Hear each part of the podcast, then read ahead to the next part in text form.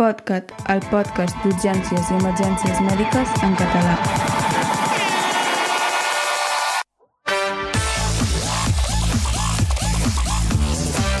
Benvinguts a En Podcast. Avui tenim un nou episodi, l'episodi número 8, en l'En Podcast, que és un espai on te conversem sobre urgències i emergències sanitàries, conduït per un gran equip multidisciplinari i multicèntric. En aquest cas tenim, com sempre, l'Albert i jo mateix. Eh, L'Albert, eh, si et vols presentar un momentet. Sí, hola, sóc l'Albert Om, sóc infermer d'urgències i emergències. Ara mateix exerceixo a la plana Saratana, en un lloc on tenim mig... De fet, hauríem de dir que també és multidisciplinari, multicèntric i potser multinacional, perquè al meu territori treballem en dos països diferents. Però, bueno, eh, nosaltres dos som dos catalans, no? Bueno, de fet, allà també tots són catalans, ara aquí penso. Bueno, ja això, uh, emer, arroba emermetpirineus a Twitter, emermetpirineus arroba mastodon.cat, aquesta xarxa rara, i tinc un blog que es diu emermetpirineus.eu. I a l'altra banda, eh, tu, Xavi, va, dona les teves credencials. Sí, home, doncs sí, sóc en Xavi Basurto i res, sóc metge d'urgències a l'Hospital de Figueres i, també la, tenim la base concertada del SEM i eh, també parlo i dic uh, tonteries en el blog d'urgem.cat i a Twitter, uh, arroba urgemcat. Aleshores, res, avui parlem del tema, a l'episodi número 8 eh, intentarem parlar d'un tema molt interessant que veiem de tant en tant en urgències, sobretot amb nens, que és eh, el tema de, dels cossos estranys que queden eh, enclavats a les foses nasals i ens acudeix el pare o la mare amb el pobre nen que, que jugant s'ha posat algun objecte dins el nas i no, no és capaç de treure'l. I l'Albert ens explicarà doncs, diferents eh, tècniques, no sé si en té alguna preferida o si de fet n'hi ha alguna de preferida o això depèn de, de cada circumstància, no ho sé. No, potser depèn del tipus de nen, el tipus d'objecte o de la situació en concreta, potser hi ha alguna tècnica més apropiada que una altra, ara ens ho explicarà l'Albert. I després eh, seguirem amb els apartats habituals, que són alguns dels, dels urgent mots eh, preferits de l'Albert i meus, i després fem, eh, sempre fem unes petites recomanacions d'algunes coses interessants que veiem a la xarxa o, o de contingut interessant que ens pot ser d'utilitat a urgències, doncs farem unes petites recomanacions. No sé si m'he deixat alguna cosa, Albert, que et sembla que parlarem avui o, o què? No, no, parlarem del que has dit. Va, començo. Bueno, un petit eh, comentari tonto. Els cossos estranys, eh, el nas, no només ho fan els nens. Sí que és cert que els adults, a l'hora de ficar-se coses per determinats orificis, no acostumen a tenir preferència pel nas, però, bueno, també pot ser que algun es fiqui alguna cosa on no toca. Vinga, d'on ve això? Pues suposo que com tots els nostres serveis d'urgència, de tant en tant ve algun nen que s'ha ficat algú al nas. En el meu cas, fa uns mesos va venir una criatura que es va posar dels bolígrafs aquests moderns que tenen a la part de dalt aquella mena escometa per, per fer anar pantalles tàctils de mòbils i, i tablets, doncs la, aquella escometa va caure del bol i se la va ficar al nas. Prou endins com perquè no es pogués treure tibant amb el dit. I van venir a l'hospital perquè els hi traguéssim. El nen, no recordo la criatura, em sembla que devia tenir potser 3 anys o por ahí. O sigui, ja us podeu imaginar el que ve darrere d'això, no? O, Bé. Pues, merder, segur. Una criatura d'aquesta edat que ja no es deixa ni mirar, doncs a sobre té una cosa dins, un, dins el nas que li has de treure. Aquí la sort és que fa bastant temps vaig veure, doncs, suposo que per xarxes socials, un mètode tonto, que en parlarem després, que et podia resoldre molts maldecaps. I el vam provar i va funcionar. Després d'això em vaig publicar una cosa al blog, que després ja en parlaré també. Quan vaig anar a publicar això al blog, doncs vaig buscar referències i em vaig trobar, em vaig trobar un article que deia 20 maneres de treure cossos nasals. Doncs això, parlem-ne. Quines són aquestes I- i- 20 maneres? Digue'm. I us va funcionar la primera o veu haver de torturar molt el nen? Oli amb un llum, tu. Espectacular. Sí? Espectacular. Vale, molt de bé. fet, eh, vaig fer l'entrada perquè em va costar trobar el vídeo de demostració que els, els hi havia d'ensenyar els pares perquè és el que havien de fer. Que Sí. Després, quan arribem al, amb l'ordre que he pensat explicar-ho, ja, ja explico més el mètode aquest. Fantàstic. Dos advertències potser abans de, de parlar del de més. La primera, que és de sentit comú, és a dir, si el que hi ha dins del nas és un objecte que és perillós per ell mateix, crec que un tros de vidre afilat o algun tros de metall que talla, compte, eh? no podem, molts d'aquests mètodes que explicaré no podem fer servir, perquè si tens alguna que et talla per dins, doncs el que no faràs és tibar-ho de qualsevol manera. Aquí segurament ja tocarà fer una anestèsia, una sedació profunda i un retirar instrumentalment sota, sota visió directa. Això també en parlarem després. I l'altra és que tot això s'ha de fer amb una persona que cooperi o com a mínim no es bellugui. Si és un adult, doncs bueno, si és un adult que està en els seus cabals, doncs és probable que cooperi. Si és un nen una miqueta gran, és probable que cooperi. Si és un nen petit o algú que no hi és del tot, doncs no cooperarà. Llavors segurament requerirem o bé de sedacions en diferents graus, que això en podem parlar un altre dia, o bé de judo, que això no s'explica als pares. A les escoles de pares no t'expliquen mai el judo, llavors... Eh... De fet, també, que jo recordi, a mi a la carrera tampoc sí. van, van explicar res de judo i després l'has d'aprendre a fer i comences allà a fer unes torsions i unes immobilitzacions i de més que, vaja, et donarien, no sé quants tants et donarien per, sí. per les immobilitzacions. Però clar, el que no pots fer és fotre't a intentar treure alguna amb algú que, que es belluga. Per tant, si hem de treure un objecte del nas d'algú, aquest algú ha d'estar quiet, amb la posició que sí, correspongui sí. en funció de la tècnica que vulguem fer servir. D'acord? Molt bé. Molt bé. Fet aquestes advertències, eh, perquè ara no vingui ningú i digui no, és que jo en tenia un que se'l fotia vots i vaig provar i no va funcionar. Bueno, si fot vots, doncs primer el pares. Després ja en parlem. Vinga, d'aquests mètodes hi ha com diverses famílies de mètodes, perquè en el fons tots són, són diferents variants d'una cosa semblant. Potser la primera família que m'agradaria parlar és el de fer-ho a través de pressió. És a dir, tu et fiques... Un, en el moment que algú es fica un objecte al nariu que toqui, doncs tot això està dins una cavitat que està plena d'aire. Llavors el que es tractaria és d'afegir aire des de dins la cavitat perquè surti cap a fora. El primer, que és bastant senzill, és sonar-se d'un nas. T'has ficat l'objecte al nariu dret, doncs et tapes el nariu esquerre i et sones. Com quan et treus els mocs. Fàcil, senzill, això ho fem tots cada dia. Però clar, ha de ser algú que sàpiga sonar-se. Per tant, nens molt petits que no saben sonar, però això no ho faran. I si algú no coopera, doncs tampoc ho farà. Primer mètode, que sonin, i a base d'anar apretant, a base d'anar sonant, doncs l'objecte anirà sortint amb més o menys velocitat anirà sortint. Que no es pot sonar ell. Aquí és on entra el mètode que n'hi diuen... Bueno, jo l'he traduït pel petó de la mare, que és el que tinc posat al blog, que si no al blog ja posarem l'enllaç a les notes de l'episodi. Doncs aquest mètode és molt senzill.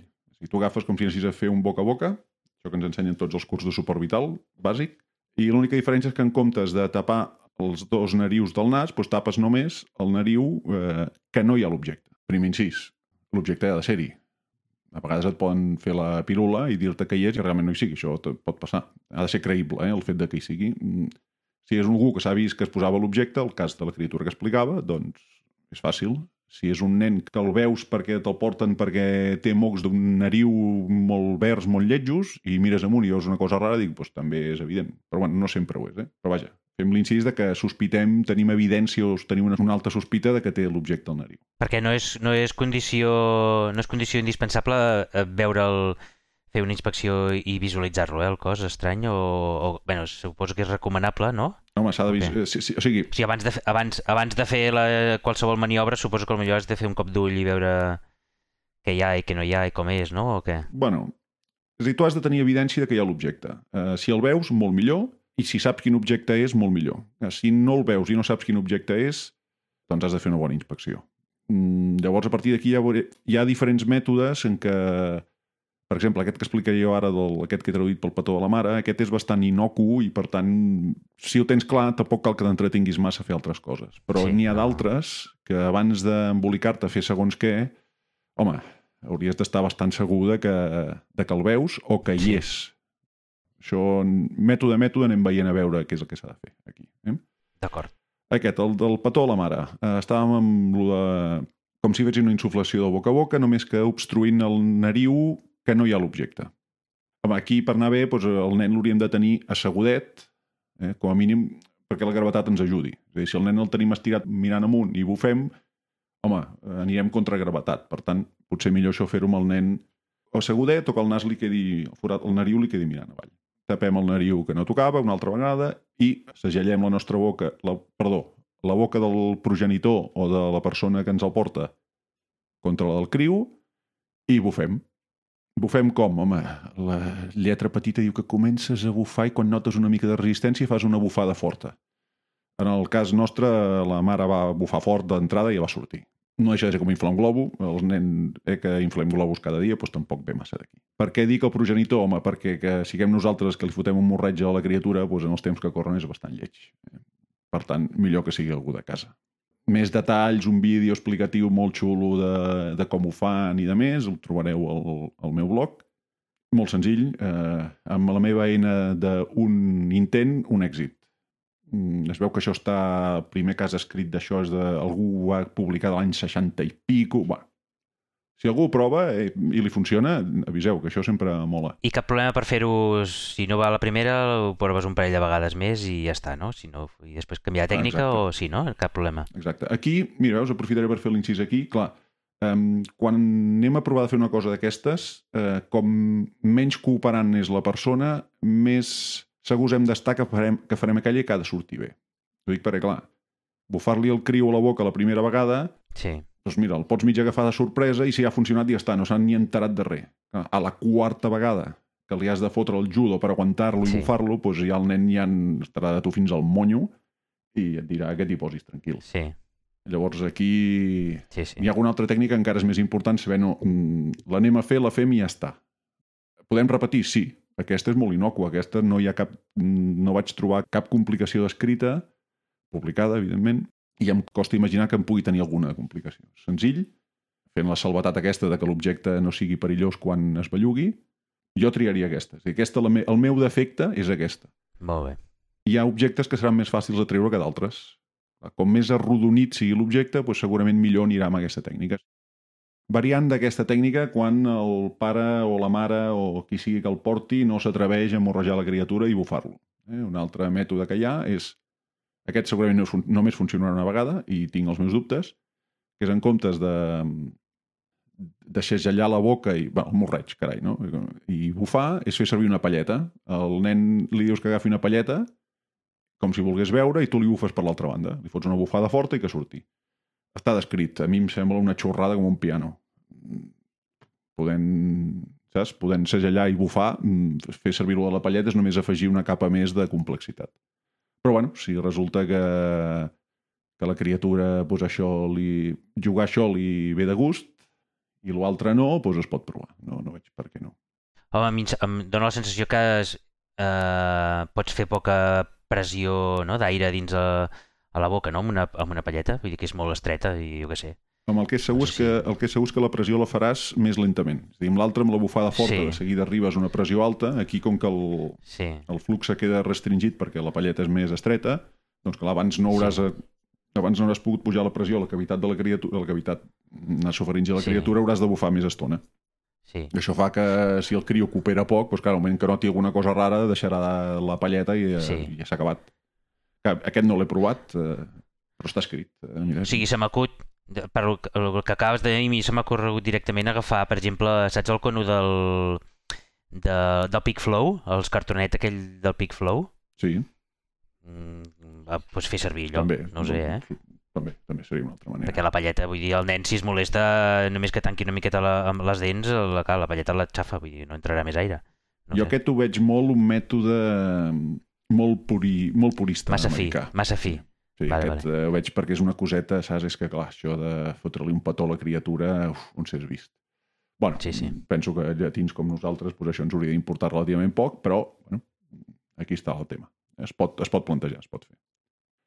Una altra variant que aquesta funció... Aquesta la veig millor que, la, aquesta, que, que aquesta última que acabo d'explicar. És l'equivalent a la insuflació boca a boca, diguéssim, que parlàvem del petó a la mare, és a dir, aquest segellat de la boca i de més, però en comptes de fer el segellat de la boca amb la teva boca, ho fas amb una mascareta d'embú. Agafes l'embú, agafes una mascareta d'embú que només agafi la boca, perquè eh, has de tapar el nariu lliure perquè tota la pressió surti pel nariu que està ocupat, i li fots un cop d'embú. Val. I ja està. Aquest avantatge d'aquest, doncs que amb un criu que no cooperi, és a dir, que hagis de fer judo o judo, bueno, pots intentar-ho. Pots intentar-ho. És a dir, com més aixecat el cap de la criatura, millor, i mira, si per molt que bellugui el cap, doncs un moment o altre bé podràs tancar-li i fotre-li el cop d'embú. Eh?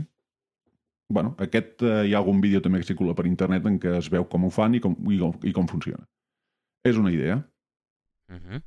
Jo, si el petó aquest, de, això que n'hi dic el petó a la mare no funciona, doncs segurament intentaria, una segona l'intentaria amb aquesta. A veure què tal. Seria una altra possibilitat.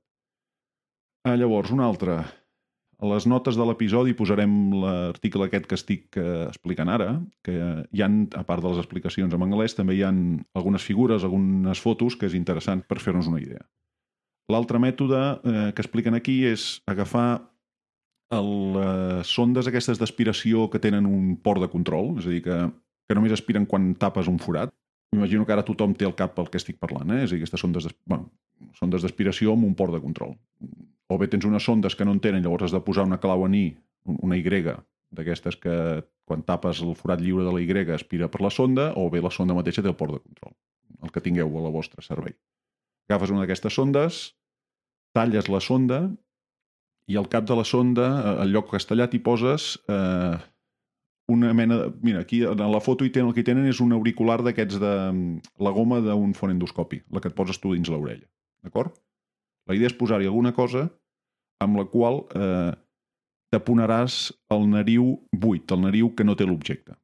És a dir, aquí el que fem és, en comptes de fer la insuflació per la boca oberta obstruint el nariu lliure, el que farem és tancar la boca i fer la insuflació amb gas a pressió per al nariu eh, lliure. Vale? No sé si s'ha entès això que he explicat ara. Eh, bueno, senzillament, tu enxufes el, la sonda d'aquesta aspiració, l'enxufes a l'oxigen o l'aire medicinal de la paret, li fots fluxe, pots optar per fer-ho progressivament, és a dir, li, i anar-lo pujant fins que l'objecte surti, o directament li fots 15 litros al, Uh -huh. al manòmetre i llavors obtures el nariu lliure amb la goma aquesta del fonendo, tapes el forat, hi ha un augment sobtat de pressió, pum, i és l'equivalent a bufar de, de la tècnica aquesta del petó a la mare.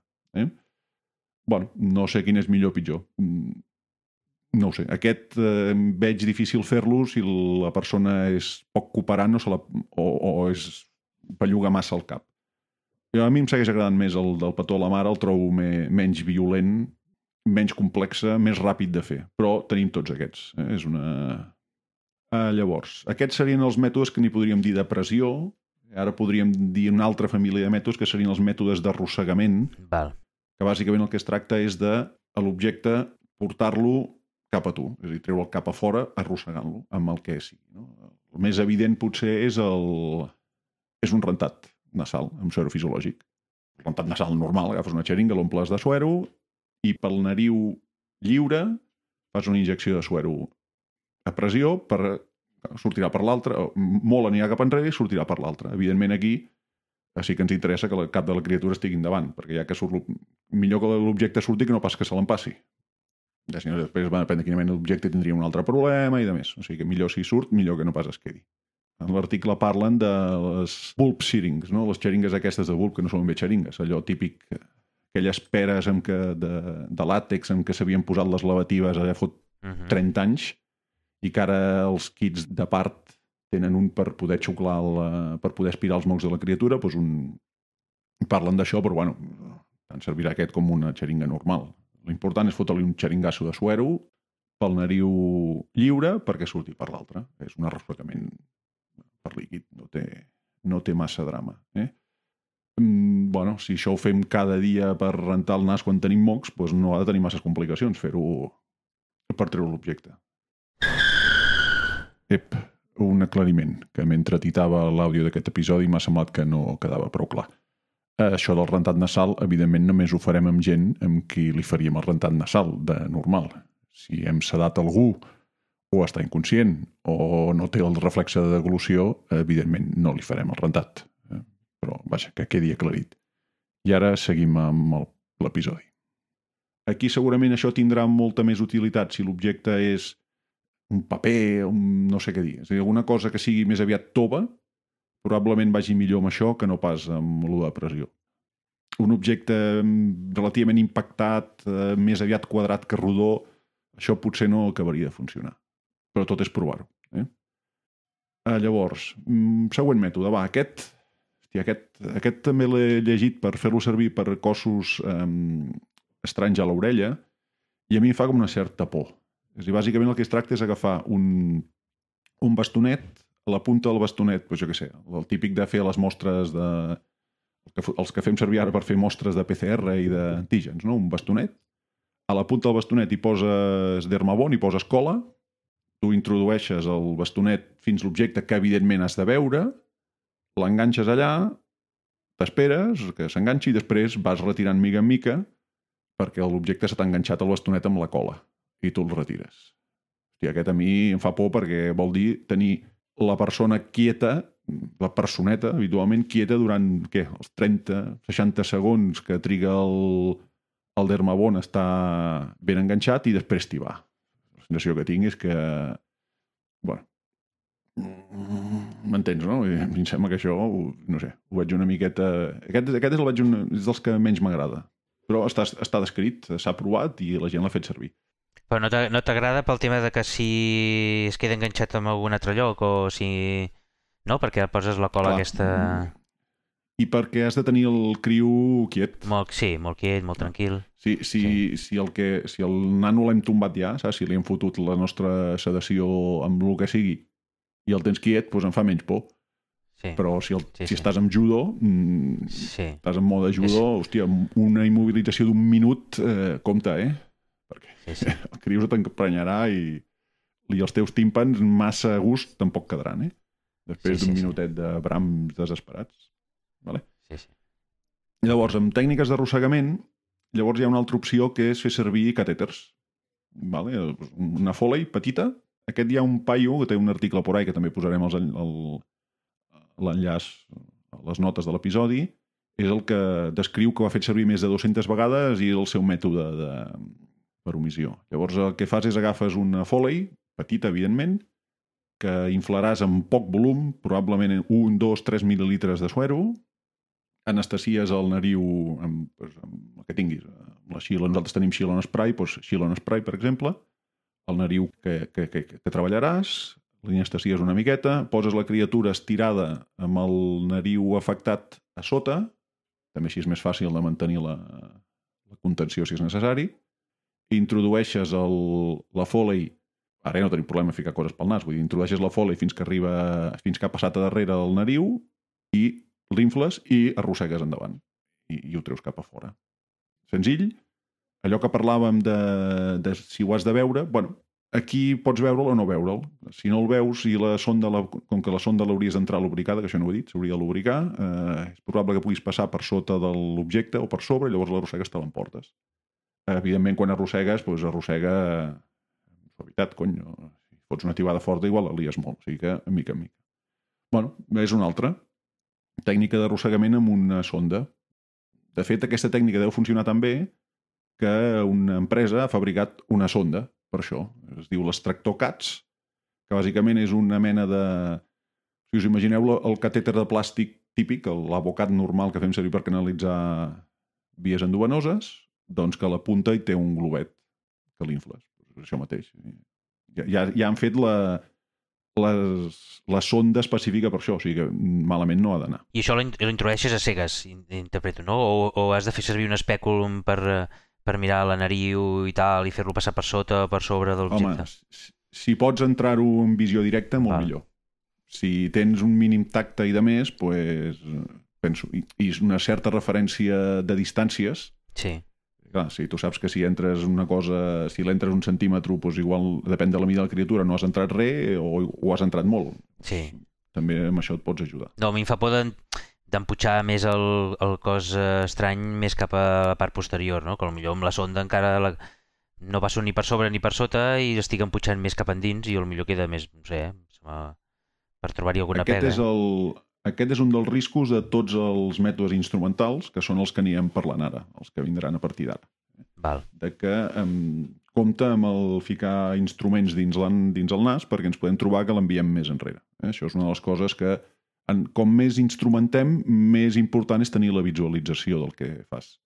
Val. Aquí jo comento això del, de, de la sonda, que aquest tio explica que es pot fer que es pot fer a les cegues, perquè ell ho diu. Jo preferiria veure-ho eh? abans de, abans de fer-ho, però bueno, ell ho explica. Mm, La majoria m'imagino que els deu fer veient-los, però ho explica. Eh? També del mètodes d'arrossegament expliquen aquí en aquest estudi, que jo ho trobo ridícul això, però bueno, igual funciona, de fer servir un imant.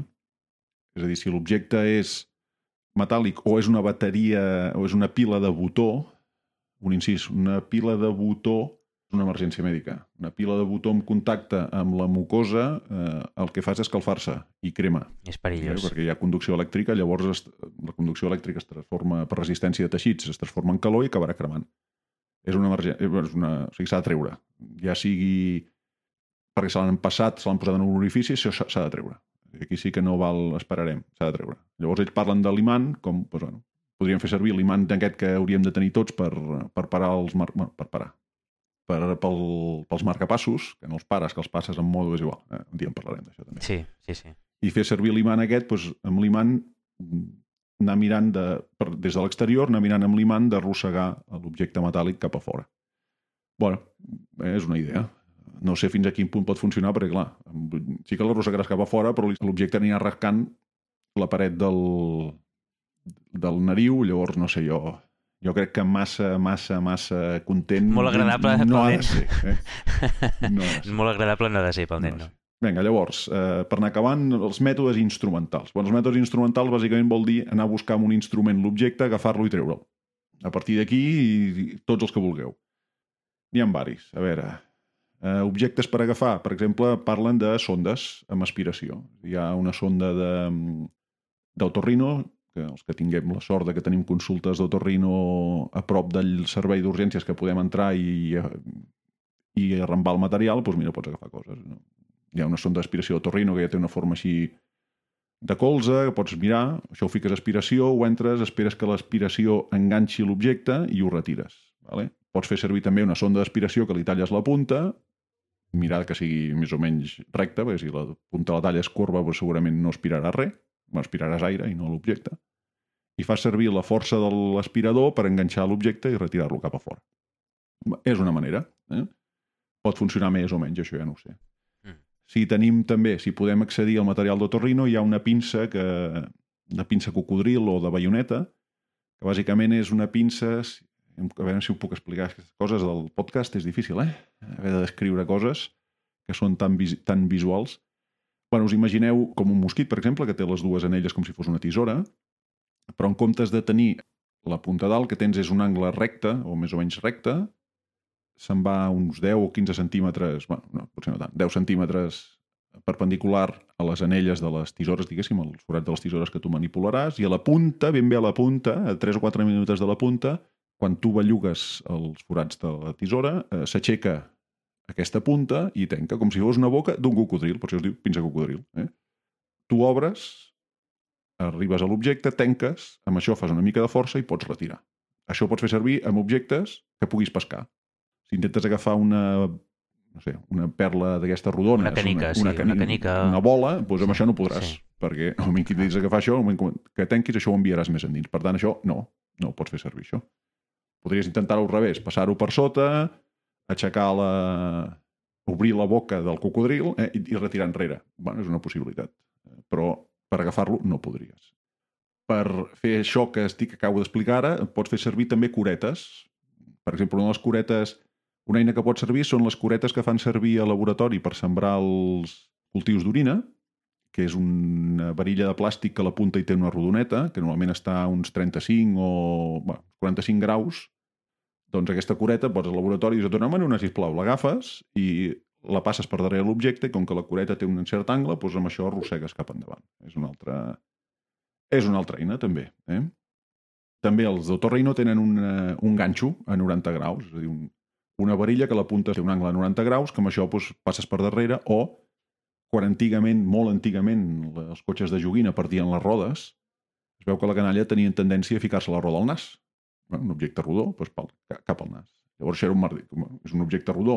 Com ho treus, això? No? Pues el que feien era els, els nostres antecessors, els nostres mestres en el seu moment, el que feien era agafar aquesta mena de varilles que o bé tens la d'otorrino o bé agafes un clip, les tires i la punta de dalt la dobles una miqueta. Doncs agafaven amb, el, amb aquest estri, buscaven el forat de la roda i un cop la, ficaven això dins el forat de la roda i ho tibaven. Eh? És un altre, és un altre de la, dels instruments que pots fer servir. I un altre, aquest també em sembla interessant, no tinc massa clar que pugui amb què pot funcionar, però el veig interessant, és agafar un mosquit, una Kelly, un porta, amb un filferro i fas un bucle amb el filferro. I fas una anella amb el filferro que l'enganxes amb, la, amb la pinça. Us, us heu d'imaginar amb dues dimensions, perquè de fet realment la pinça tindria com dues dimensions. No? És a dir, tu has posat la pinça, la teva, el teu mosquit, el teu porta, i l'anella que tu has fet en filferro està en el mateix pla que el mosquit. Llavors, això ho entres pla per sota el, diguéssim, per la base del nas, eh? És a dir, de manera que això molestarà perquè obrirà el nas i quan has passat l'objecte ho rotes 90 graus, de manera que amb això agafaràs l'objecte i l'arrossegaràs endavant i el trauràs cap endavant. Si fas com una mena de... Amb això fas una mena de rotació i ho tires endavant. Si tens la gran sort de que ja tens visualització amb un fibroscopi, estàs en un puesto guai i saps fer les eines que tens, doncs podries fer el mateix, això que acabo de dir ara, però amb el fibroscopi. Tu entres amb el fibroscopi i quan has passat l'objecte manipules els instruments, bueno, la, els mandos del fibroscopi perquè eh, fa, fer una miqueta de ganxo amb la punta del fibroscopi i amb aquesta mica de ganxo pues, aprofites per arrossegar el, el material cap a fora. Sí, sí. Esperant que no es trenqui el fibroscopi, perquè si no et fotran un... la factura te la passaran a tu i valdrà molta pasta. Mètodes són tots els que he trobat, són una pila. Eh, veig això que no, no he trobat que n'hi hagi cap que vagi millor que d'altres. Jo em quedo amb el, amb el del petó a la mare, però bueno, ja, aquí en teniu una bona pila per, per provar quan s'escaigui. Eh, del tema del judo de les criatures, aquí en l'estudi també, en l'article aquest també fan una... Hi ha una pobra criatura que la fan servir de, de maniquí per ensenyar una mica de judo. També és interessant com carai tu fas per aguantar criatura que estiguin quietes, que això no és senzill. Està bé. I ja està. Uh, sí, molt bé, molt bé. Uh, suposo que també deu ser que, que cadascú tingui el seu, no? el seu la tècnica preferida i que se senti més segur i després en funció de, no? del tipus de nen o el tipus d'objecte no? que hi hagi dins, no? Això que deies tu, no? Si és un objecte més tou o més eh, mm, farà servir una tècnica i si és més una cosa més impactada i més no quadrada o el que sigui, doncs farà servir una altra, una altra tècnica. Sí, sí. La immensa majoria d'objectes són objectes d'aquests arrodonits, eh, doncs perles de plàstic, eh, marretes aquestes de joieria, coses d'aquestes, amb la qual el mètode aquest de bufar doncs, segurament sigui més útil. Però si ja estem parlant de, Exacte. de papers, per exemple, Bueno, de bufar també podria funcionar, però estem parlant d'un dau. Sí. Un dau probablement igual necessitarem més instrumental perquè aquest haurem d'arrossegar. Bufant potser surt, però bufant és molt probable que... Bueno, si ho fem prou fort, podria ser que sortís, i llavors el nano li farà mal, però com que ja haurà sortit ja no hauries de tornar i ja ha passat. Per això el que comentava d'intentar fer el... agafar el que creguis que pot funcionar millor i fer aquell. I intentar no haver-lo de repetir. Evidentment, si l'objecte és un, un objecte que per ell mateix és perillós, doncs probablement no, pot ser que no pot ser millor no intentar res i enviar-lo a un lloc on el puguin adormir i treure-ho in, i treure instrumentalment amb instrumental, però això amb fibroscopis, sota visualització directa i de més. Eh? Però bueno, sentit comú, sentit comú, aquell que no, ja no n'hi ha gaire. Molt bé, molt bé. Pues va. Eh, suposo que en el, en el blog podrem posar que la gent vegi tot el, les tipus d'eines que existeixen o que hi ha aquestes 20 eines, no? que, sistemes i poder fer un cop d'ull quan tinguis el nen davant i decidir i decidir quina és la millor que farà servir aquell dia, no? Vull dir, per tindre una mica de resum, per tindre una mica de resum així de fàcil lectura ràpida. Com sempre, els enllaços a les notes de l'episodi. Eh, I en l'entrada del meu blog hi ha el vídeo... De fet, l'entrada del blog està feta per això, perquè el proper dia que vingui algú li l'envio envio al pare, mira, obre el mòbil, mira't aquest vídeo, et veus capaç de fer això o no? Sí, doncs vinga, pelante. Eh, no, doncs buscarem una alternativa. Molt bé. Doncs va, anem als urgent mots. Molt bé, uh, doncs sí, d'urgent mots, uh, si et sembla, jo us comento uns quants que he seleccionat i després, si tu en tens algun interessant, ens el, ens l'expliques.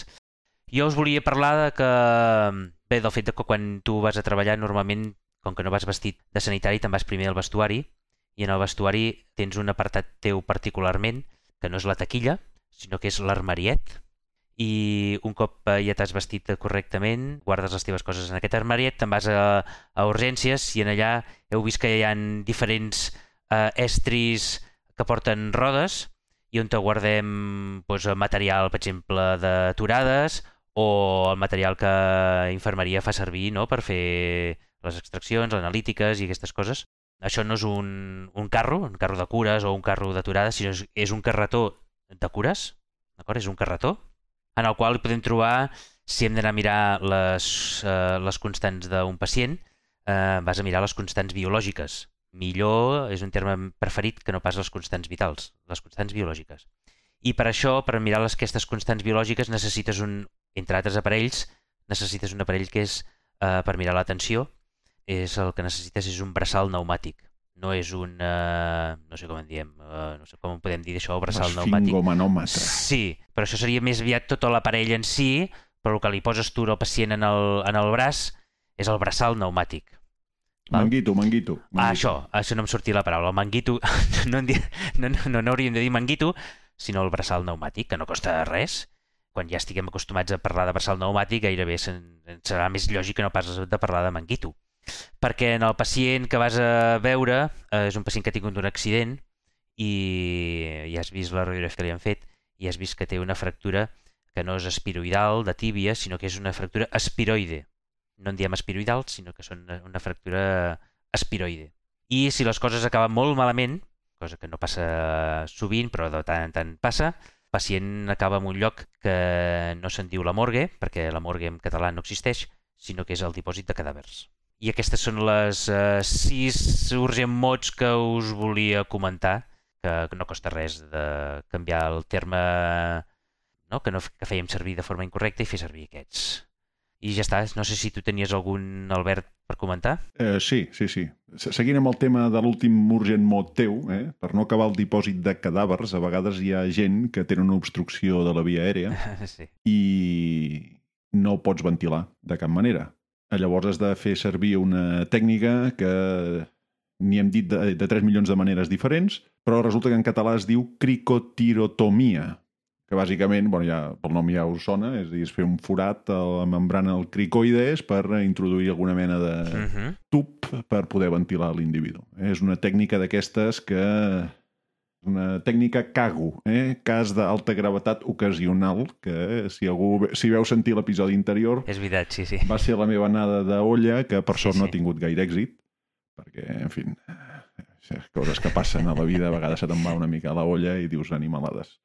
Però això, cricotirotomia, que a mi, hosti, jo ara això, no sóc filòleg, però, a veure, si nosaltres fem ostomies, l'ostomia és fer un forat, oi?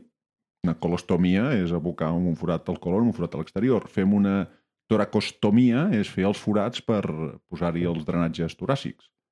I quan fem una otomia, una laparotomia, el que fem és obrir, no? exposar una cavitat. Llavors aquí el termcat diu que hem de dir cricotirotomia. Però, hosti, no seria una ostomia? O potser és que la cavitat és tan petita que realment ja l'obres del tot i llavors és una otomia. Mm. No ho sé. Filòlegs de la sala, manifesteu-vos. El termcat, si mires a la cricotirotomia, parla d'això, d'una incisió, no? A través de la pell, la membrana cricotiroidal, per fer passar l'aire, no? En cas d'una obstrucció. Que Això és una, una tècnica que és la- una incisió. Una incisió que fas a diferents llocs, en aquest cas en la membrana. Uh, no sé si és una otomia o una ostomia o... Bueno, és una otomia perquè el termcat diu que cricotirotomia. Ja està. Eh? La crico, perquè tot el que ve darrere és un embarbussament i costa de dir, tu. tu fas el que pots i en aquest, en aquest cas no sé si estarem per, eh, per gaires eh, termcats en cas de necessitar una, una, una automia o una ostomia d'aquestes. I tant, i tant. Molt bé, molt bé. Vinga, anem a les recomanacions.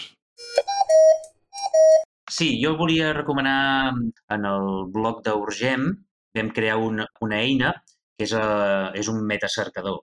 De fet, és un cercador de, de Google que te deixa fer un... Si tu, vosaltres entreu a Google i li demaneu que, de fer un cercador personalitzat, us portarà una pàgina web de, de Google i allà te registres i tu pots fer el teu propi metacercador, el teu propi Google. És a dir, un cercador, una, una caixa on tu poses els diferents termes de cerca i li dius a on vols que Google te busqui aquests termes de cerca que tu li has posat. Per tant, si tu et dediques a les urgències, doncs li dius, mira, jo normalment consulto aquesta, aquesta, aquesta, aquesta, tantes pàgines com vulguis, i pàgines, blogs, eh, el que vulguis, que es pugui consultar a internet. Tu li poses el llistat de totes les pàgines web eh, que tu consultes habitualment i ja està, configures el buscador i t'apareixerà un buscador com si fos de Google, però que porta el teu nom i que tu sempre que li posis els 2, 3, 4, 5 o els que vulguis termes de cerca, ell només no t'ho buscarà a tot internet, sinó que t'ho buscarà única i exclusivament en aquelles eh, pàgines que tu li has indicat prèviament. Aleshores, això tu pots guardar tu personalment o, ho pots fer públic. Aleshores, nosaltres deu fer més o menys un any, vam fer, ja vam fer un metacercador amb fonts d'informació el tema del coronavirus, val? que aquest també el teniu eh, accessible a través d'urgent.cat, i després en vam fer un metacercador només de termes d'urgències i emergències mèdiques, en el qual hi han eh, organitzats diferents, eh, diferents, vull dir que em sembla que hi ha com uns 100, 110 fonts de consulta, que són les que nosaltres habitualment consultem, i aleshores aquest metacercador el vam publicar i deixar-lo públic en, a través de del nostre blog d'urgent.cat i el teniu disponible. Val? I funciona igualment, igual que un buscador de Google normal i corrent. Vull dir que li poses els termes que vulguis, poses cosa estrany, nas eh, i nen, i te buscarà totes les pàgines, tots els, els articles, eh, apunts, articles de revista, en aquell, d'aquelles fonts on tu li hagis indicat. Ho pots fer-ho en termes en català, termes en anglès, en l'idioma que tu vulguis i t'apareixeran els resultats que si poses un, una cerca molt àmplia, molt genèrica, t'apareixeran molts i molts resultats.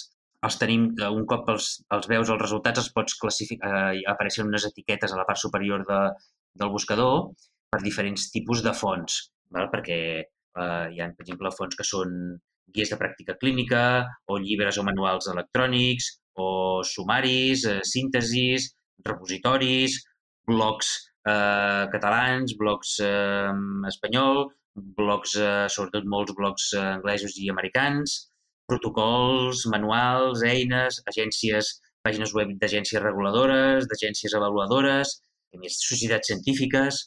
Val? Aleshores, mm, si tens molt resultat, t'apareixeran unes etiquetes a dalt i dius, no, jo vull veure només resultats que siguin de societats científiques. Doncs cliques en allà i t'apareixeran molts menys resultats és qüestió d'anar-ho mm, remenant i ja veureu que és molt, funciona com un Google normal i corrent i és molt fàcil. I això serveix molt per quan no tens un dubte i aleshores tu saps més o menys, en lloc de buscar-ho a Google general, que te trobaràs qualsevol bestiesa, doncs si tu tens un dubte sobre urgències i ja saps que aniràs a consultar aquelles 4 o 5 o 6 pàgines web, que és on te vas habitualment, doncs, si t'has configurat el teu Google per això, doncs fantàstic. I si no, doncs feu servir aquest d'urgent.cat i també us serà, crec que us serà útil, per això el vam publicar. Si teniu, us demano un favor, si coneixeu algun blog, alguna pàgina web que veieu que no està en el llistat, doncs si me feu un, comentari a, a través de Twitter, doncs ens el donarem un cop d'ull i l'introduirem en, la, en, aquest, en aquest metacercador. I ja està, Albert. Molt bé. Eh, jo l'he provat i està guai, eh? I mira, ara volia mirar-ho si el recurs que us vull explicar jo ara el teniu apuntat o no, però no tinc temps. No, no m'he donat temps, no he pogut mirar. Mira, jo us volia recomanar un... Anava a dir una pàgina web, però és que de fet no és una pàgina web, és un projecte transmèdia, pràcticament, perquè està tot arreu, aquesta noia. És uh, Más que urgències i emergències, que és tota una pila de, de recursos de l'Helena Plaza, que és una infermera de Madrid, que no deu dormir perquè està contínuament fent coses. I dic que és transmèdia perquè té un blog, que és Urgències i Emergent, Y, evidentment, i emergent.com, però també té un podcast, i de fet ella, encara que no ho sap, però és, de, és culpable en part de que nosaltres fem el nostre ara, perquè va fer una ella i va dir, bueno, nosaltres també ho podem fer, no?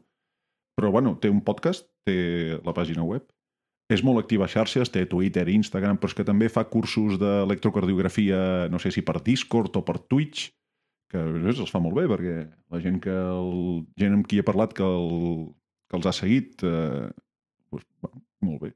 Jo diria que només li falta aparèixer als mitjans tradicionals, a la tele o, o als diaris. Escriure un llibre, com que també algun manual d'aquests d'alguna acadèmia també ja hi ha escrit, doncs també ja ho té superat.